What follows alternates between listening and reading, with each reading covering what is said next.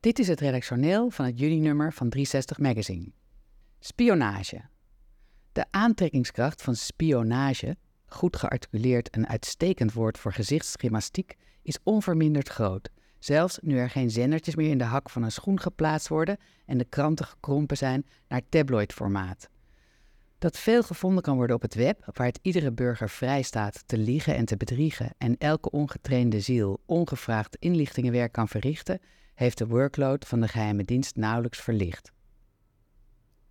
Maar elk tijdperk krijgt de spion die het verdient. Goodbye, Mr. Bond. We zijn nu afhankelijk van saaie data-analisten zonder de allure van uw clandestine bestaan. En erger nog, schrijft de Deense krant Politieken, van complotdenkers. Ouderwetse fysieke informatievergaring is nog steeds in zwang, al blijkt het met name de Russen nogal veel moeite te kosten om geschikte kandidaten te werven, juist nu ze grote behoefte hebben aan mollen of slapende cellen in landen die Oekraïne technologie en militaire capaciteit leveren. Het profiel waar de KGB naar zoekt is daarom noodgedwongen bijgesteld en biedt nu een droombaan aan mensen met financiële of ideologische motieven of met wraakgevoelens, omdat ze bijvoorbeeld in hun carrière gefrustreerd zijn geraakt.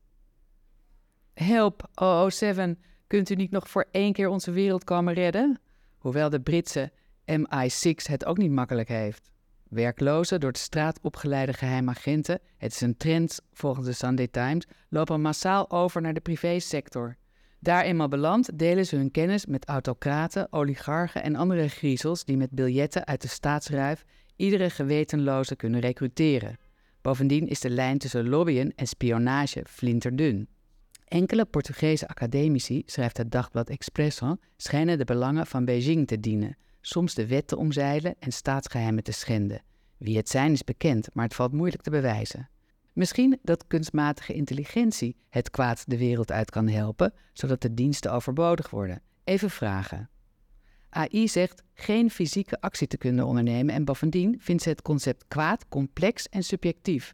Wel suggereert ze dat collectieve inspanningen op verschillende niveaus kunnen bijdragen aan een rechtvaardiger, vreedzamer bestaan voor iedereen, zoals educatie, empathie en mededogen, rechtvaardigheid en gelijkheid, vreedzame communicatie, dialoog en overheidsbeleid.